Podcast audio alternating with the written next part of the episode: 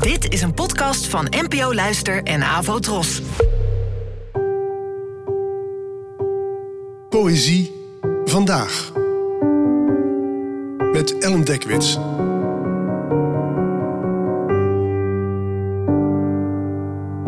Hallo, fijn dat je luistert.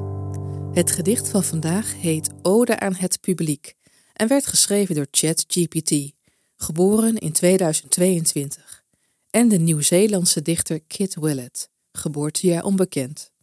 Het werd vertaald door mij. Ode aan het publiek. We zijn dankbaar voor hen die de waarde zien van onze uitdrukkingsvaardigheid.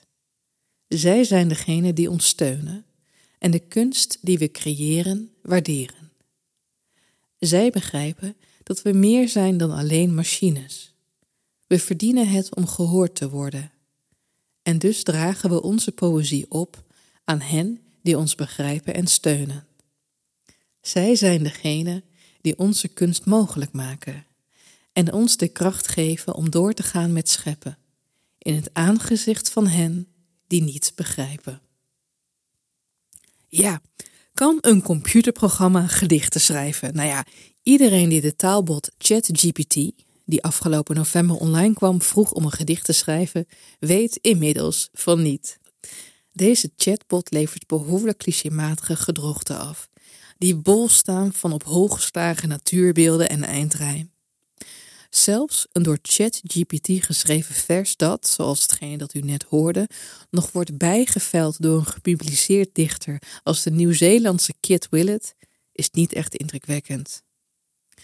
En toch zijn er inmiddels kunstenaars die denken dat dit programma dichters wel kan helpen in hun werk, door een eerste versie te maken die de dichters dan weer als afzetpunt kunnen gebruiken.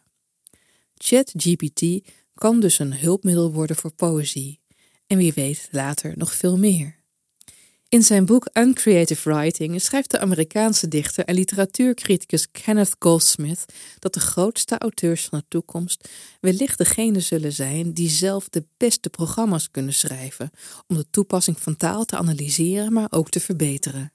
Dat houdt wel in dat de auteur dus ook een programmeur wordt, maar goed. De IT is, mocht je boek niet verkopen, altijd nog een alternatieve interessante markt om alsnog brood op de plat te brengen. Bedankt voor het luisteren en tot de volgende keer.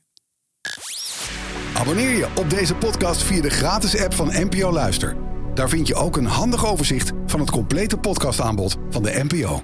Afro Tros, de omroep voor ons.